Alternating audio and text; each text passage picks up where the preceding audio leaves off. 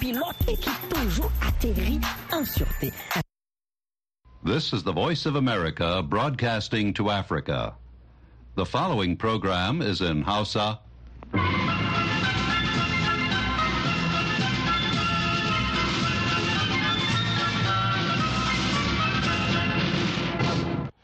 Sashen Hausa na murya Amurka ke magana daga nan birnin Washington DC.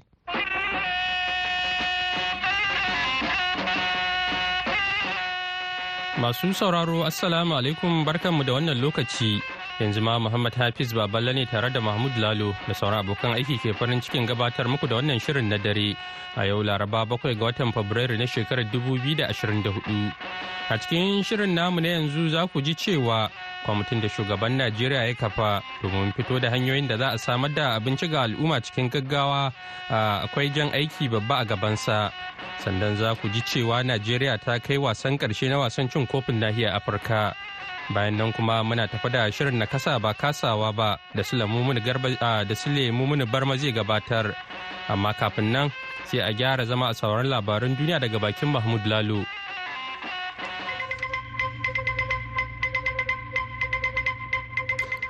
To jama'a assalamu alaikum. Najeriya ta kai zagayen wasan ƙarshe a gasar cin kofin nahiyar afirka da ake a ivory coast. 'Yan wasan super eagles sun kai zagayen na ƙarshe ne bayan da suka doke afirka ta kudu a wasan dab da na ƙarshe da bugun penalty. Najeriya ta zira kwallaye huɗu yayin da ita kuma afirka ta kudu ta zira kwallaye biyu a bugun na daga kai sai mai tsaron gida bayan da aka kwashe daukacin lokacin wasan ana ci ɗaya da ɗaya. Yanzu najeriya za ta jira sakamakon wasa tsakanin jamhuriyar demokuraɗiyyar congo da ivory coast mai masaukin baki da ake kan bugawa a yanzu don sanin wanda za ta kara da shi a wasan na ƙarshe wanda za a yi a ranar lahadi mai zuwa. Babban sakataren majalisar ɗinkin duniya antonio guterres ya ce duniya ta shiga wani ƙangi na rudani wanda hakan ke haifar da walalu tare da daƙile ci gaban da ake samu. Yana mai cewa ya zama dole a sauya akalar tafiyar. Guterres ya bayyana haka ne a yau laraba yayin da yake bajewa mambobin majalisar ɗinkin duniya muhimman batutuwan da zai fi mai da hankali a kai a wannan shekara ta 2024 inda ya ayyana matsalar yaƙe-yaƙe a sassan duniya a matsayin babban abin damuwa da ke addabar duniyar. A cewar guterres zaman lafiya da tsaro kawai al'ummar duniya ke buƙata domin su yi rayuwa mai inganci. Ya kara da cewa mutum miliyan huɗu ne suka fada kangin yaƙi a sassan duniya. Lamarin da ya ce ya jefa jama'a cikin matsalar yunwa. Guterres ya yi nuni da yaƙin da ake yi a gaza da ukraine da sudan da myanmar da yamal da haiti da sauran wurare a nahiyar afirka a matsayin manyan matsaloli a wannan shekara. Sakataren harkokin wajen amurka anthony blinken ya gana da shugabannin isra'ila a yau laraba kan yadda za a cin matsayar dakatar da buɗe wuta a gaza a kuma saki mutanen da hamas take riƙe da su. Wannan gana wacce ta hada da prime minister benjamin netanyahu da ministan tsaro yoav gallant da shugaba isaac hagos na zuwa ne kwana guda bayan da blinken ya ce shugabannin hamas sun ba da su kan bukatun da aka gabatar musu. We now have a, a response from Hamas to the proposal that was uh, Blinken ya ce yanzu mun samu amsa daga Hamas muna nazari a kai sosai kamar yadda Isra'ila ke yi. Shugaban Ukraine Volodymyr Zelensky ya ce wasu har-haren makamai masu linzami da Rasha ta kai kasarsa sun halaka mutum biyar a birnin Kiev da Mykolaiv.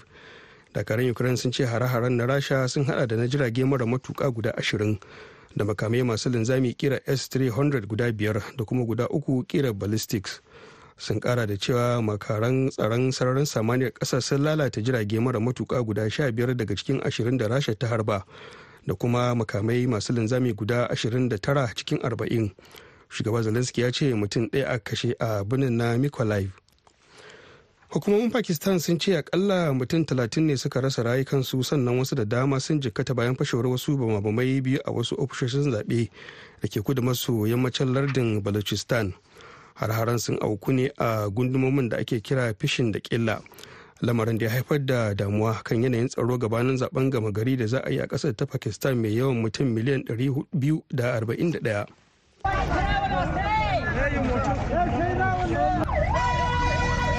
rudanin da ya biyo bayan har-haren kenan a yankin killa inda ake ta hanzarin kai waɗanda suka jikkata asibiti.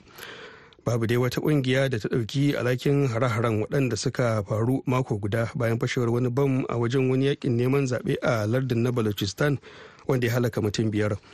Wata ƙungiya mai alaka da ais da ake kira ais khorasan ta ɗauki alhakin harin na farko. Labaran na zuwa muku ne daga nan sashen hausa na murya amurka a birnin washington dc hukumomi a kudancin philippines sun ce akalla mutum shida ne suka rasa rayukansu sannan wasu da dama sun bata bayan da aka samu aukuwar zaizayar kasa a wani ƙauye da ake haƙar gwal. Lamarin ya faru ne a daren ranar talata a yankin masara da ke ƙauyen da ake kira mako a lardin davowa de oro. Ibtila'in ya lalata gidaje da dama sannan ya rufe wasu motocin safa guda biyu da ke ɗauke da ma'aikatan da ke haƙar ma'adinan.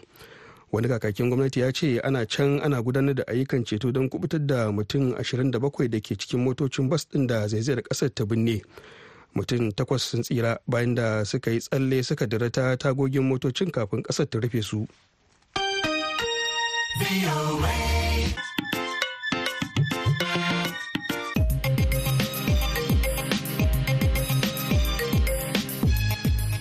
Labaran duniya aka saurara daga nan sashin Hausa na murya Amurka a birnin Washington DC.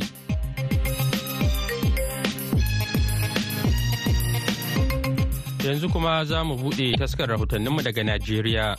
Kwamitin ministoci da kusoshin gwamnati da shugaba Bola Tinubu ya kafa ƙarƙashin jagorancin shugaban ma'aikatan fadar shugaban ƙasa Femi Bajamiya Mila ya shiga kwana na uku domin fito da hanyoyin da za a samar da abinci ga al'umma cikin gaggawa.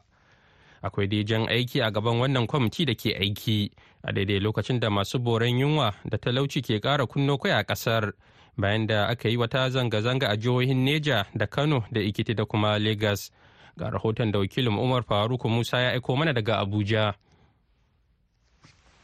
Ga dukkan alamu wannan kwamiti na ministoci da shugaban kasa bola ahmed tinubu kafa domin tsara hanyoyin da za a samar da abinci ga al'ummar najeriya yana fuskantar babban ƙalubale yawan mabukatan abinci na da yawan gaske daga sassa daban-daban na ƙasar yayin da kuma ba lalle ne a tabbatar da cewa irin yawan abincin da ke cikin rumbuna a yankuna daban-daban na najeriya zai isa ya kai ga mabukata ba. Sannan tsarin da wannan kwamiti zai fitar da shi na samar da abincin yana tattare da wani barazana domin shin za a baiwa abincin nan kyauta ne ga al'umma ko kuwa za a sauke farashin shi rangwamen gaske ta yadda jama'a za su iya saya cikin sauƙi sannan kuma shin al'umma suna da irin wannan kuɗaɗen ma da za su iya sayan wannan abinci ko da gwamnati ta yi rangwame a kan shi? Na tuntuɓi ɗaya da cikin jami'an yaɗa labarai a faɗin gwamnatin tarayyar najeriya abdulaziz domin in ji hanyoyi ko matakan da wannan kwamiti zai ɗauka domin kawo ƙarshen fitintunun da rashin abinci ko tsada ke haifarwa a cikin najeriya inda yake cewa. Wannan kwamiti yana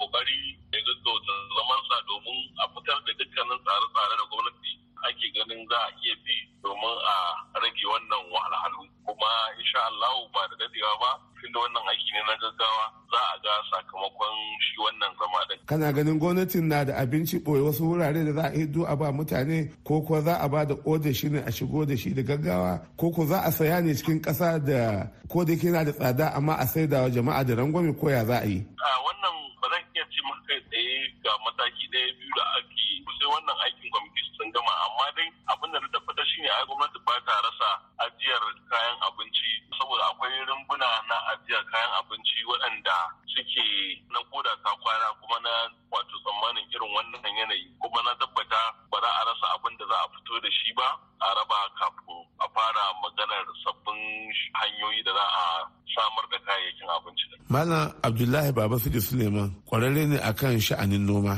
Na kuma tambaye shi hanyar da yake ganin gwamnati za ta iya bi domin kawo ƙarshen wannan fitinar da ke bazuwa a cikin ƙasar dangane da tsadar abinci ko kuma rashin shi. Abin da nake so ka fahimta shi ne ƙasar nan mu muna da wani matsala. Sai wuta ta tashi tukuna za a yi ƙoƙarin a ce za a kashe ta. A gaskiya waɗannan abu abin da suke so da za su yanzu ba a lokaci. Don ku yin wannan tana nan ta riga tana nan a ciki mutane ba su da abin da za su ci. kuma in har ma za su yi wani abu kaga ko an za a shigo da shi daga ƙasar waje ma zai ɗau lokaci tun da yake wanda zai zo ta jirgin sama ba. Kaya ne wanda ke za a kawo shi ta jirgin ruwa. To amma in ba kyauta fa za ba a gaskiya ba lokaci da za a ci za a yi wani abu da za a kashe wannan hali da muke ciki. To amma ai gwamnatin na da shi ajiye a rumbuna daban-daban daga cikin najeriya kuma ba a rasa abincin a cikin ƙasa. Watakila su ne suka ɓoye domin shi tsada su saya wannan idan gwamnati ta fitar da shi wanda take da kuma ta saya hannun 'yan kasuwa wanda yake da tsadar nan. Kana jin zai ba da ɗauki na gaggawa kada a ci gaba da maganar yunwa ana zanga-zanga? Tsammani muna da abin da yake an ajiye shi wanda yake za a zo a raba kowa da wannan cutar ta sauka. Ba na tsammani kan cewar a gaskiya abu nan za a shi za a shi kan ka'ida. In kuma har ma za su yi haka dai to zai yi kyau. Muna ta jira. yanzu dai idon 'yan kasa ya koma akan wannan kwamiti wanda yau ne zai shiga rana ta uku kuma ta ƙarshe da ake fatar zai fitar da jadawalin da za a bi domin fitar da abinci idan akwai shi a rumbunan najeriya ko kuma za a sai shi hannun 'yan kasuwa ko kuma za a gaggauta shigowa da shi daga ƙasashen ƙetare domin a murƙushe wannan barazanar da ke bazuwa a sassa daban da najeriya domin neman abinci ganin tsadar da ya yi a halin yanzu umar faruk musa amurka a Abuja, Najeriya. A gaida Umar Faruk Musa, yanzu kuma sai gasar cin kofin nahiyar Afirka da ake buga a ƙasar Abrikos. Kungiyar Super Eagles ta Najeriya ta kai wasan ƙarshe bayan da ta yi nasara akan ƙungiyar Bafana Bafana ta Afirka ta kudu a bugun penalty. Ga ra'ayoyin wasu 'yan Najeriya mazauna Turai da wakiliyan Muramatu Garba Baba ta aiko mana. To alhamdulillahi yau da wasa da ya yi daɗi wa 'yan Najeriya a wannan gasa na AFCON 2023 'yan ƙasashen Afirka da aka buga a nan shekarar gaskiya ma 'yan Najeriya daɗi yau da wanda yake son ƙwallon kafa. amma mun san cewa kafin a fara wannan wasan South Africa da Najeriya idan ya zo tsare baya duk suna da kyau na aka yi lagari ganin wannan gwalagalan da suka bari aka zira musu duka south africa da nigeria yin aka duba aka gani sun yi ƙoƙari wannan kare baya tun da aka fara wannan gasa na afcon. Amma dai nigeria kuma matsalar nigeria shine ba ma shan gwalagwale kamar yadda ya kamata da duk da muna da manyan 'yan wasa da ya kamata su ringa sha. Amma dai ba za a wannan korafi akan wasan da suka buga ba har zuwa yanzu. Gaskiya sun yi bala'in ƙoƙari yau ma sun gaskiya sun nuna dacewansu su sa jc din najeriya musamman ma goalkeeper da najeriya. Mun yi bala'in mai sunansa ƙoƙari a wannan gasa ta wannan shekara. Amma wannan fatanmu da Allah sa mu maimaita wannan wasa wasanni da muka buga da kwazo da muka saka a wannan wasa wannan na ƙarshe final kenan insha Allah.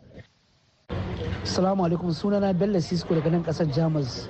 Ina alfahari da ƙasa ta Najeriya ina muke ta cin ƙwallo muke ta ba su eh gaskiya ina alfahari da ƙasa ta Najeriya ba abin da zan ce wa Najeriya sai dai Allah ya albarkace ƙasar mu.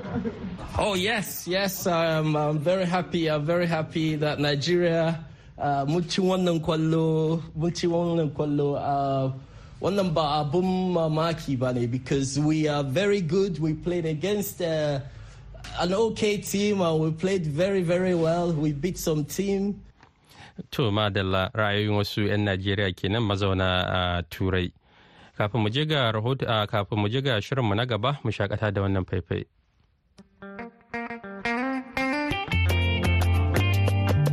Auta waziri kuke je malam ku zo ku ziga autar mata kar ku taba mini yar gata ku bar ni kawai na yi wata rawa babu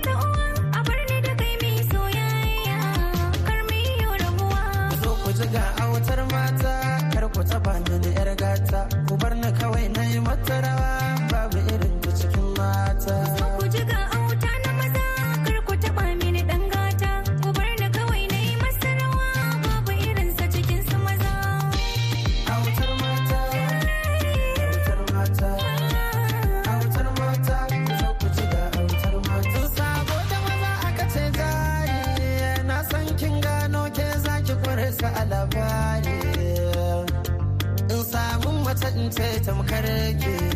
Alkhairi ne ma ki kauda dukan wani mai sharri.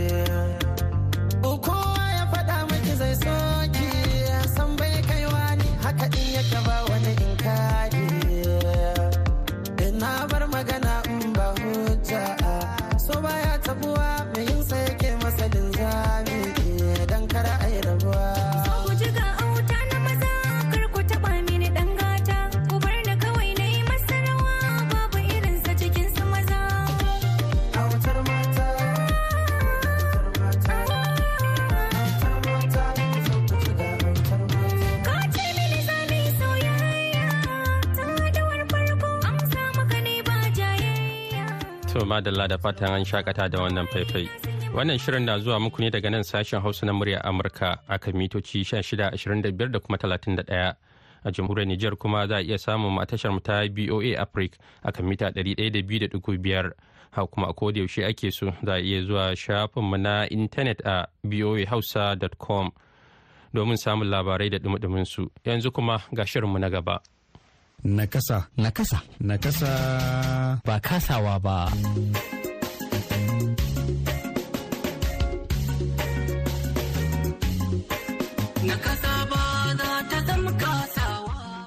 Jama'a salamu alaikum barkar mu da sake haɗuwa a shirin na kasa ba kasawa ba wanda ke zuwa muku a kowane mako daga nan sashen hausa na muryar Amurka. Sunana Sule Mumuni Barma.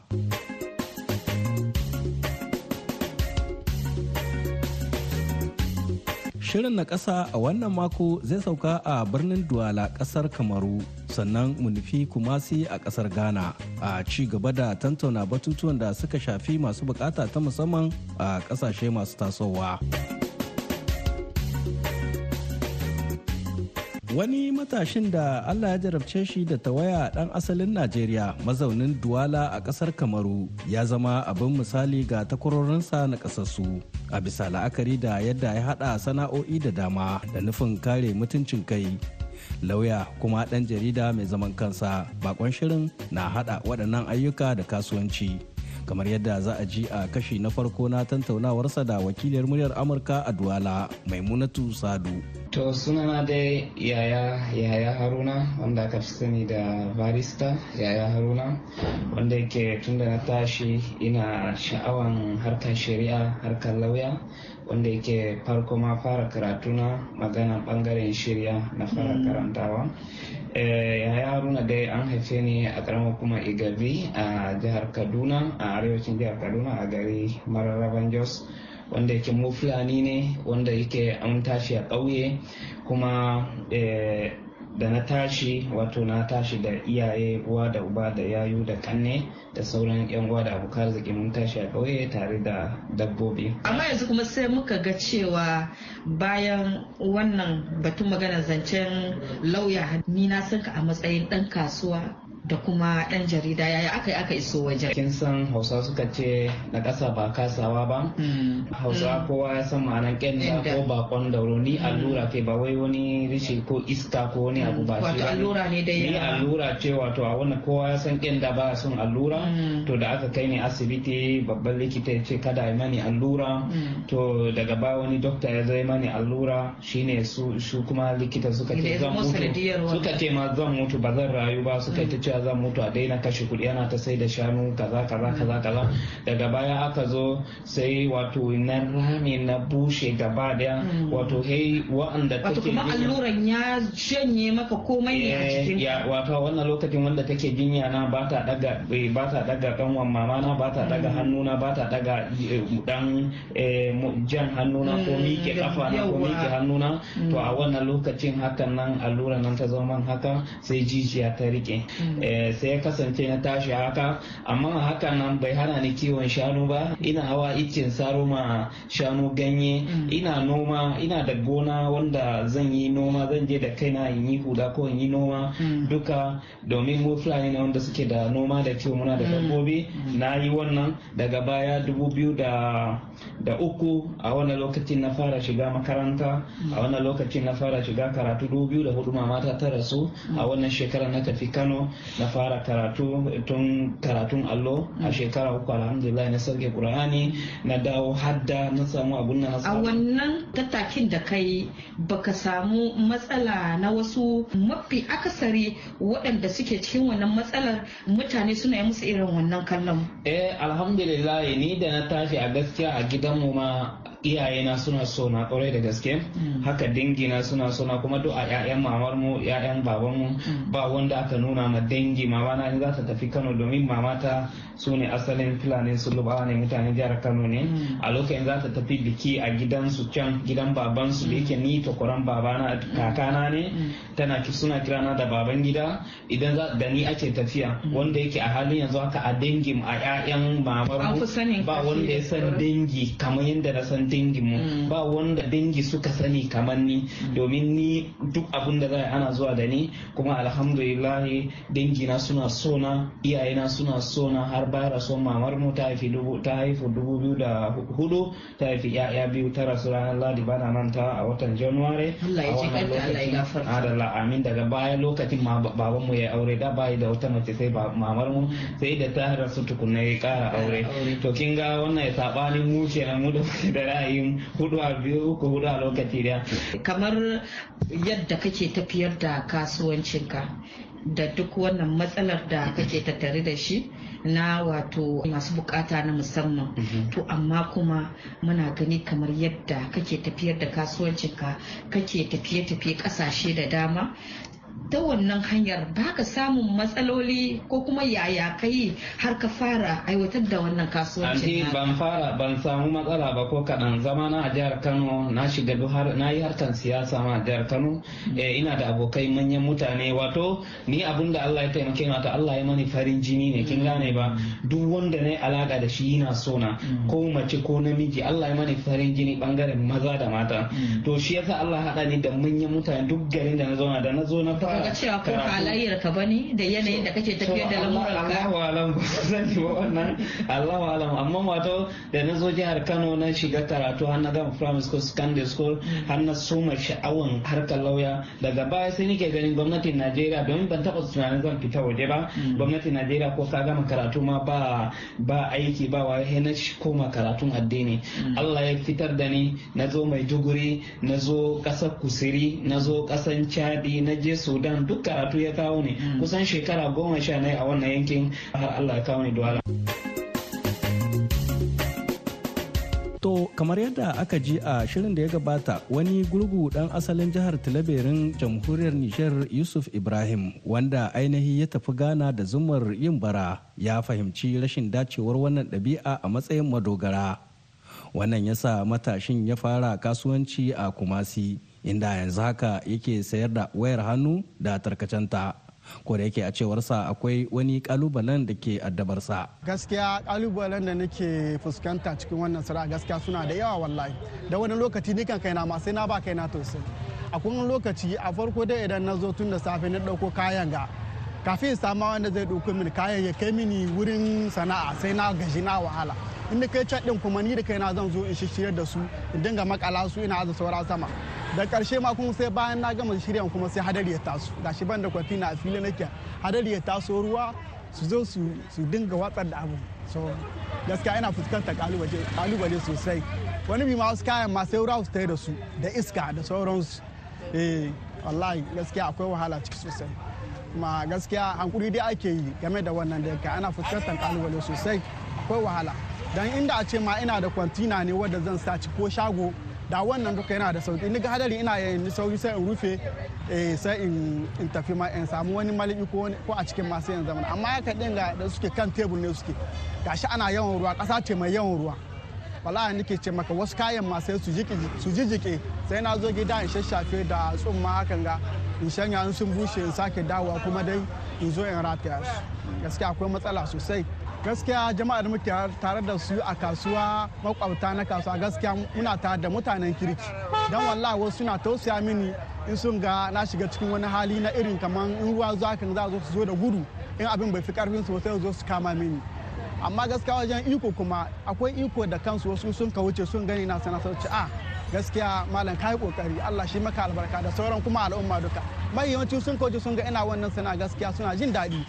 Amma sai dai kalubalen da na fuskanta wajen iko masu kula da hanya su ne wani lokaci da na je can baki hanya inda nake ajewa suke kullum sun kawo sauce mini in tashi bisa hanya nan ga ba wurin sana'a ne ba. To daga ƙarshe ma da sun ka dame ni sai da ni bar ma wannan sana'a lokacin. To daga baya ne sai dai ni samu wani can cikin lungu inda ma ba ma wasu jama'a da yawa ke wuce a wurin ba.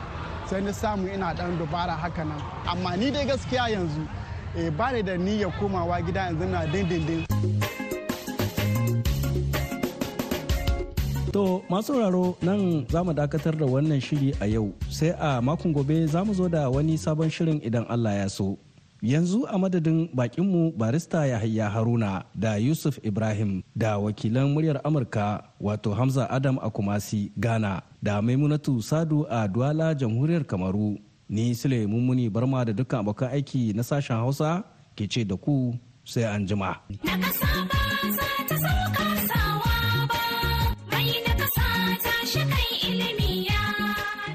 To madalla a gaida Sulamu Muni Barma. To masu sauraro sai a yi mana afuwa ba za mu samu dama kawo muku labaran duniya a taƙaice ba.